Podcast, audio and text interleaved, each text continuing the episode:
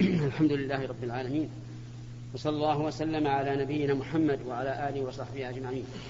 أما بعد فهذا هو اللقاء الثامن بعد المئتين من اللقاءات المسمات لقاء الباب المفتوح التي تتمه كل يوم خميس وهذا الخميس هو الخامس السادس والعشرون من شهر صفر عام عشرين وأربعمائة وألف. نبتدئ هذا اللقاء كما هو العادة بتفسير ما, ما يمن الله به عز وجل من كتابه العزيز. قال الله تبارك وتعالى سبح لله ما في السماوات والأرض وهو العزيز الحكيم.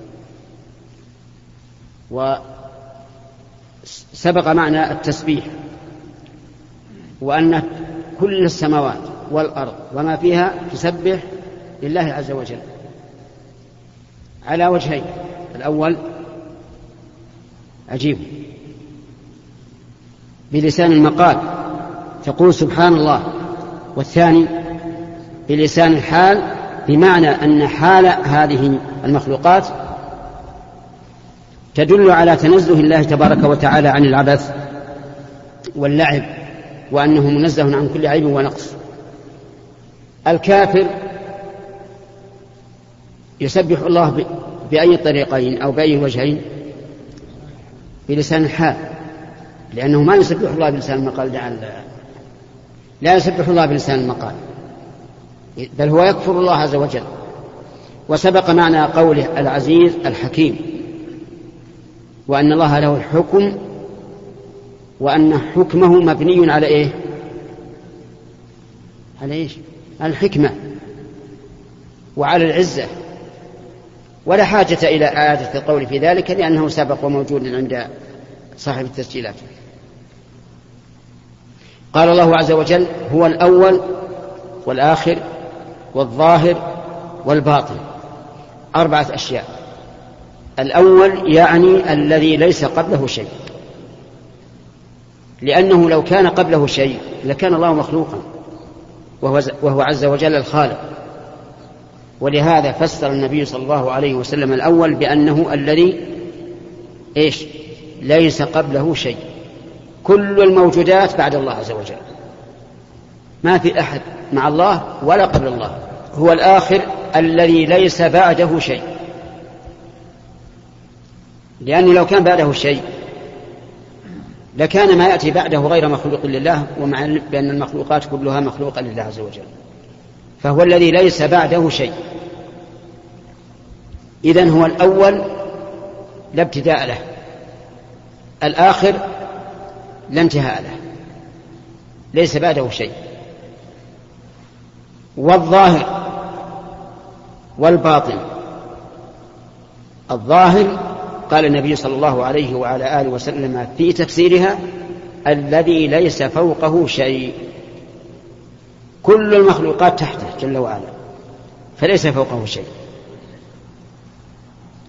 الباطن قال النبي صلى الله عليه وسلم الذي ليس دونه شيء. يعني ما يحول دونه شيء. خبير عليم بكل شيء. لا يحول دونه جبال ولا أشجار ولا جدران ولا غير ذلك.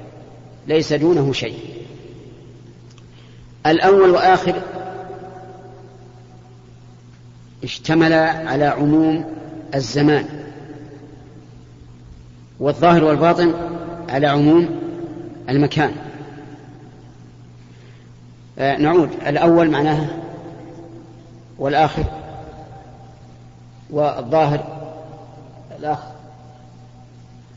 أنت ها؟ لا. سبحان الله العظيم. ما معنى الظاهر. طيب من يعرف؟ نعم. الذي ليس فوقه شيء. الباطن الذي ليس دونه شيء. يعني ما يحول دونه شيء أبدا. لا دون بصره يرى كل شيء عز وجل ولا دون سمعه يرى يسمع كل شيء ولا دون علمه يعلم كل شيء. آه، قلنا هذه هذه الأسماء الأربعة تضم تضمنت الاشتمال على إيش؟ نعم. الزمنية في قوله الأول والآخر والمكانية في قوله الظاهر والباطن. وهو بكل شيء عليم. كل شيء فالله عليم به. إن الله لا يخفى عليه شيء في الأرض ولا في السماء. لو عمل الإنسان في جوف بيته في حجرة مظلمة فهل يعلم الله تعالى عمله؟ نعم يعلم. بل زد على ذلك أنه يعلم ما توسوس به نفسك كما قال عز وجل ولقد خلقنا الإنسان ونعلم ما توسوس به نفسه. أنت إذا فكرت في شيء فالله يعلم به قبل أن يكون. هل يعلم الماضي؟ البعيد. نعم بكل شيء. هل يعلم المستقبل البعيد؟ نعم بكل شيء. ولهذا قال موسى عليه الصلاة والسلام لما سأله فرعون ما بال القرون الأولى؟ يعني وش شأنها؟ قص علينا. قال علمها عند ربي في كتاب لا يضل ربي ولا ينسى. لا يضل يعني ما يجهل لأن الضلال معناه الجهل كما قال الله عز وجل في نبيه ووجدك نعم ضالا فهدى. ضالا مو معناه أنه فاسق لا معناه أنه جاهل. ما يدري. كما قال تعالى وكذلك أوحينا إليك روحا من أمرنا. ما كنت تدري إيش؟ ما الكتاب ولا الإيمان. وقال تعالى وما كنت تتلو من قبله من كتاب ولا تخطه بيمينك. اذا لارتاب المبطلون. اذا الله بكل شيء عليم. يا أخي إذا علمت أن الله بكل شيء عليم هل يمكنك أن تقدم على معصية الله وأنت في خفاء عن الناس؟ أجب. أجيب يا جماعة. نعم ولا لا؟ لا. لأنك تعلم أن الله يعلمك. ما يمكن. قال الله عز وجل أم يحسبون أنا لا نسمع سرهم ونجواهم؟ الجواب بلى. ورسلنا لديهم مكتوبون. فإذا إذا آمنت بأن الله جل وعلا عليم بكل شيء. فإنه يستلزم أن لا تقوم بمعصيته ولو في الخفاء وأن لا تترك طاعته ولو في الخفاء.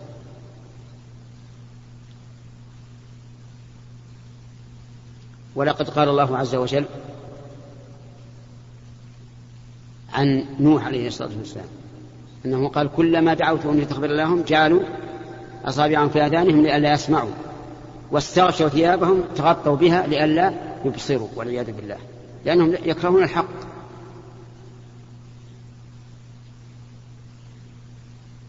وهو بكل شيء عليم. بعدها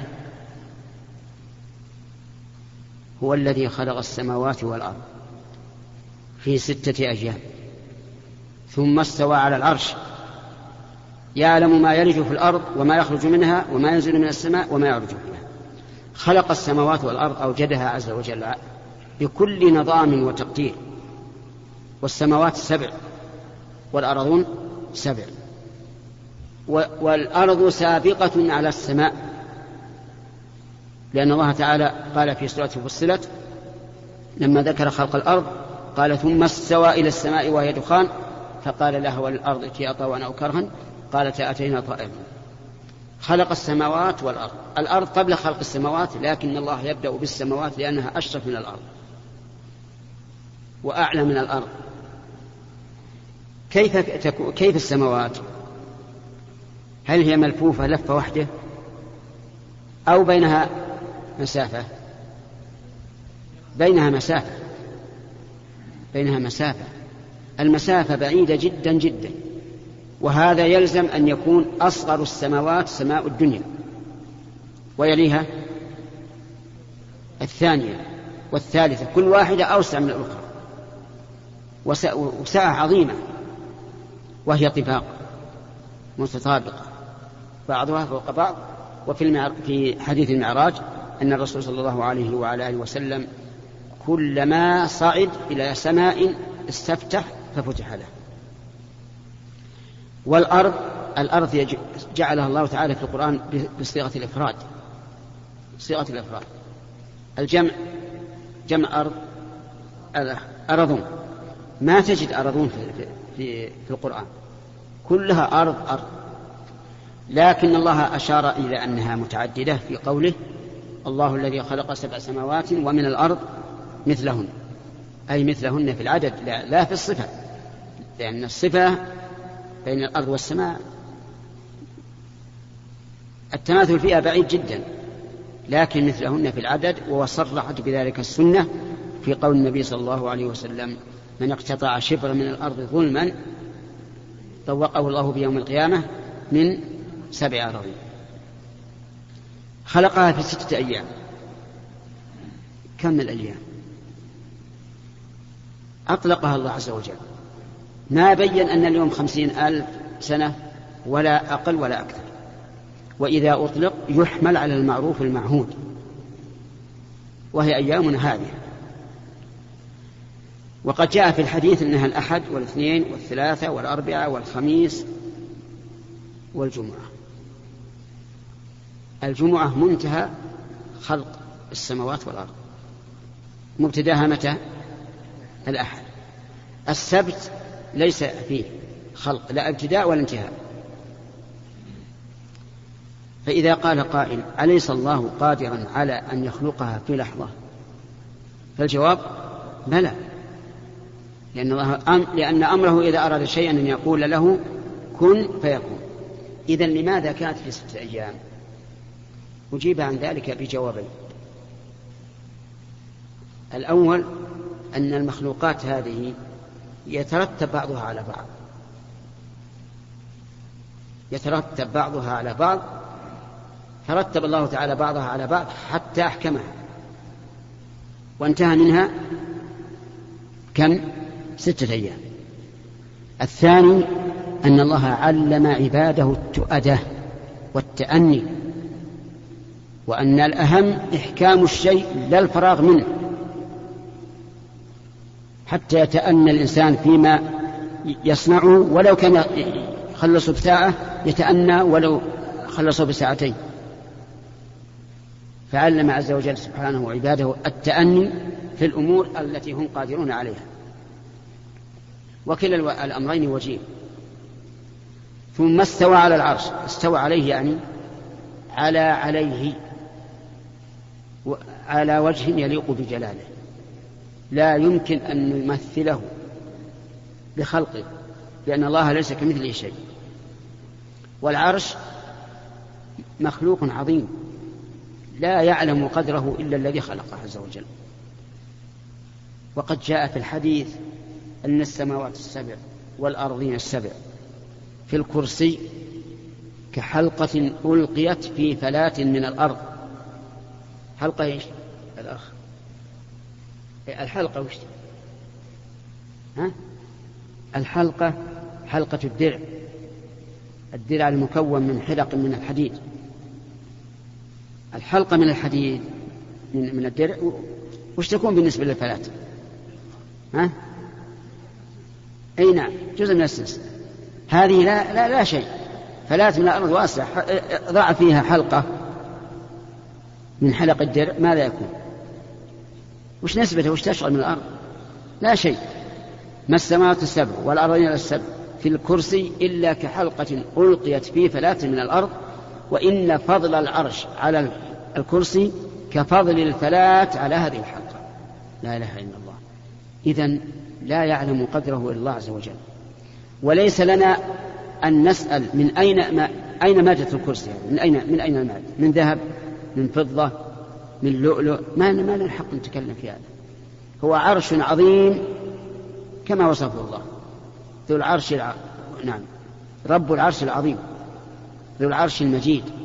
عرش عظيم جدا جدا لا يعلم قدره إلا الله. استوى الله عليه لكمال سلطانه جل وعلا. قد تجدون في بعض الكتب استوى على العرش يعني استولى عليه. أهكذا تجدون أحيانا. اللي, اللي طلع منكم على بعض الكتب الأشعرية وما أشبههم يرى هذا. استوى يقول استولى. وهذا تحريف للكلمة عن مواضعه.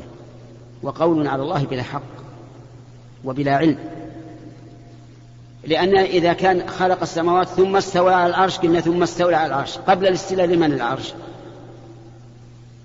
شوف بطلان القول هذا. ثم نقول الله استوى استولى على كل شيء. هل نقول استوى على الأرض؟ ما يمكن نقول هذا. إذا يتعين استوى بمعنى على. كيف استوى؟ ما ندري. الله أعلم. وسيأتي إن شاء الله بقية الكلام على هذه الصفة لأنها من المهم جدا في الدرس القادم إن شاء الله. وإلى الأسئلة. ونبدأ باليمين. والأحق بالأسئلة الضيوف. والسؤال واحد. بسم الله الرحمن الرحيم.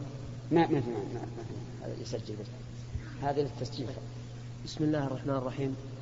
ما أدري أحسن الله عليك يا شيخ. آه، فعل السنن الرواتب في السفر وخاصة آه، سنة الضحى أو ركعتي الضحى وسنن قيام الليل وسنتي الفجر وسنن الصلاة عامة هل ورد إقامتها في السفر؟ أولا الذي تبين لنا من السنة. أن الذي يسقط في السفر ثلاثة أشياء فقط. والباقي باق على ما هو عليه. هي سنة الظهر الراتبة وراتبة المغرب وراتبة العشاء ثلاث. والباقي افعله كما تشاء. حتى الظهر لو شئت أن تصلي تطوعا بدون راتبة فلا بأس. إذا سنة الضحى مشروعة. التهجد في الليل مشروع الوتر مشروع سنة الفجر مشروعة تحية المسجد مشروعة كل النوافل باقية على أصلها إلا ثلاث. هي قلها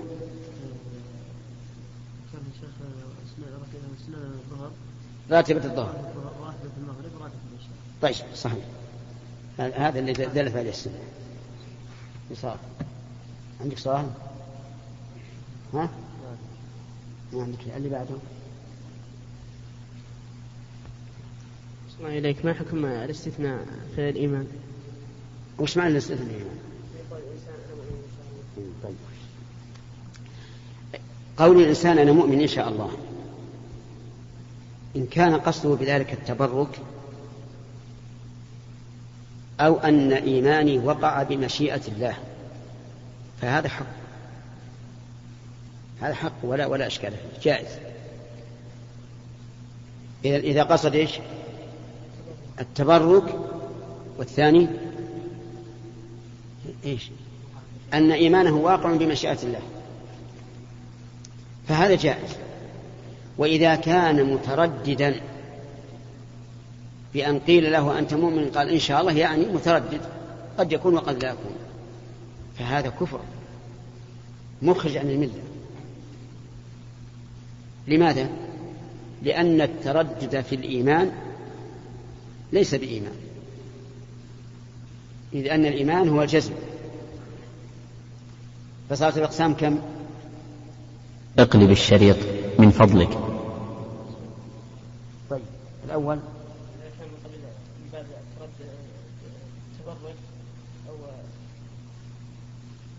أو أن ما أو أن إيمانه بمشيئته. هذا نعم إذا كان من باب الشك في أصل الإيمان أو في التردد في الإيمان فهذا شرك كفر أحسنت. هذا بالنسبة لعقيدة الإيمان. أما بالنسبة للأعمال فالإنسان فالأعمال من الإيمان لا شك. أنه من الإيمان لقوله عليه الصلاة والسلام الإيمان بضع وسبعون شعبة أعلاها قول لا إله إلا الله وأدناها إماطة الأذى عن الطريق والحياء شعبة من الإيمان. إن كان قصد الأعمال وقال أنا مؤمن إن شاء الله يعني بمعنى أنني مقيم لجميع خصال الإيمان. فهذا أيضا صحيح. يعني ما كل إنسان مؤمن يقوم بجميع الشرائع. يسار أنت جئت إلى هنا حيلة. أقول جئت إلى هنا حيلة. نعم. تقبلون منه حيلة ولا نخليها آخر حتى يأتي الدور هناك؟ ها؟ تقبلون حيلته بشرط أن لا تحتالوا بشرط ما تدري بيسأل خل هذا خل هذا افتحوا لا لا لا, لا. آه، حفظك الله يا شيخ. آه، هل سؤال معلم لطلابه؟ آه، تفسير آية من القرآن. هو يعلم إجابتها. لكن من باب أنه يرى هل طلابه يعني فاهمين ولا لا, فاهمين ولا لا؟ نعم. وش السؤال؟ بعد السؤال هل يجوز هل هذا؟ يجوز؟ أحسن. نعم. يجوز امتحان الطالب بما يعلمه المدرس. ولا حرج. أليس جبريل سأل النبي عليه الصلاة والسلام عن الإسلام والإيمان والإحسان وهو يدري؟ هو يدري ولا ما يدري جبريل؟ نعم يدري ولذلك قال صدقت. مع أن جبريل أراد أن أن الرسول عليه الصلاة والسلام يبين الدين اللي هو الإسلام والإيمان والإحسان على وجه السؤال والجواب ليكون أثبت. فيجوز للمدرس أن يسأل الطالب عن شيء هو يعلمه. طيب في هذه الحال إذا سأله عن تفسير آية فمن المعلوم أنه لا يجوز أن يفسر الإنسان القرآن إلا بعلم.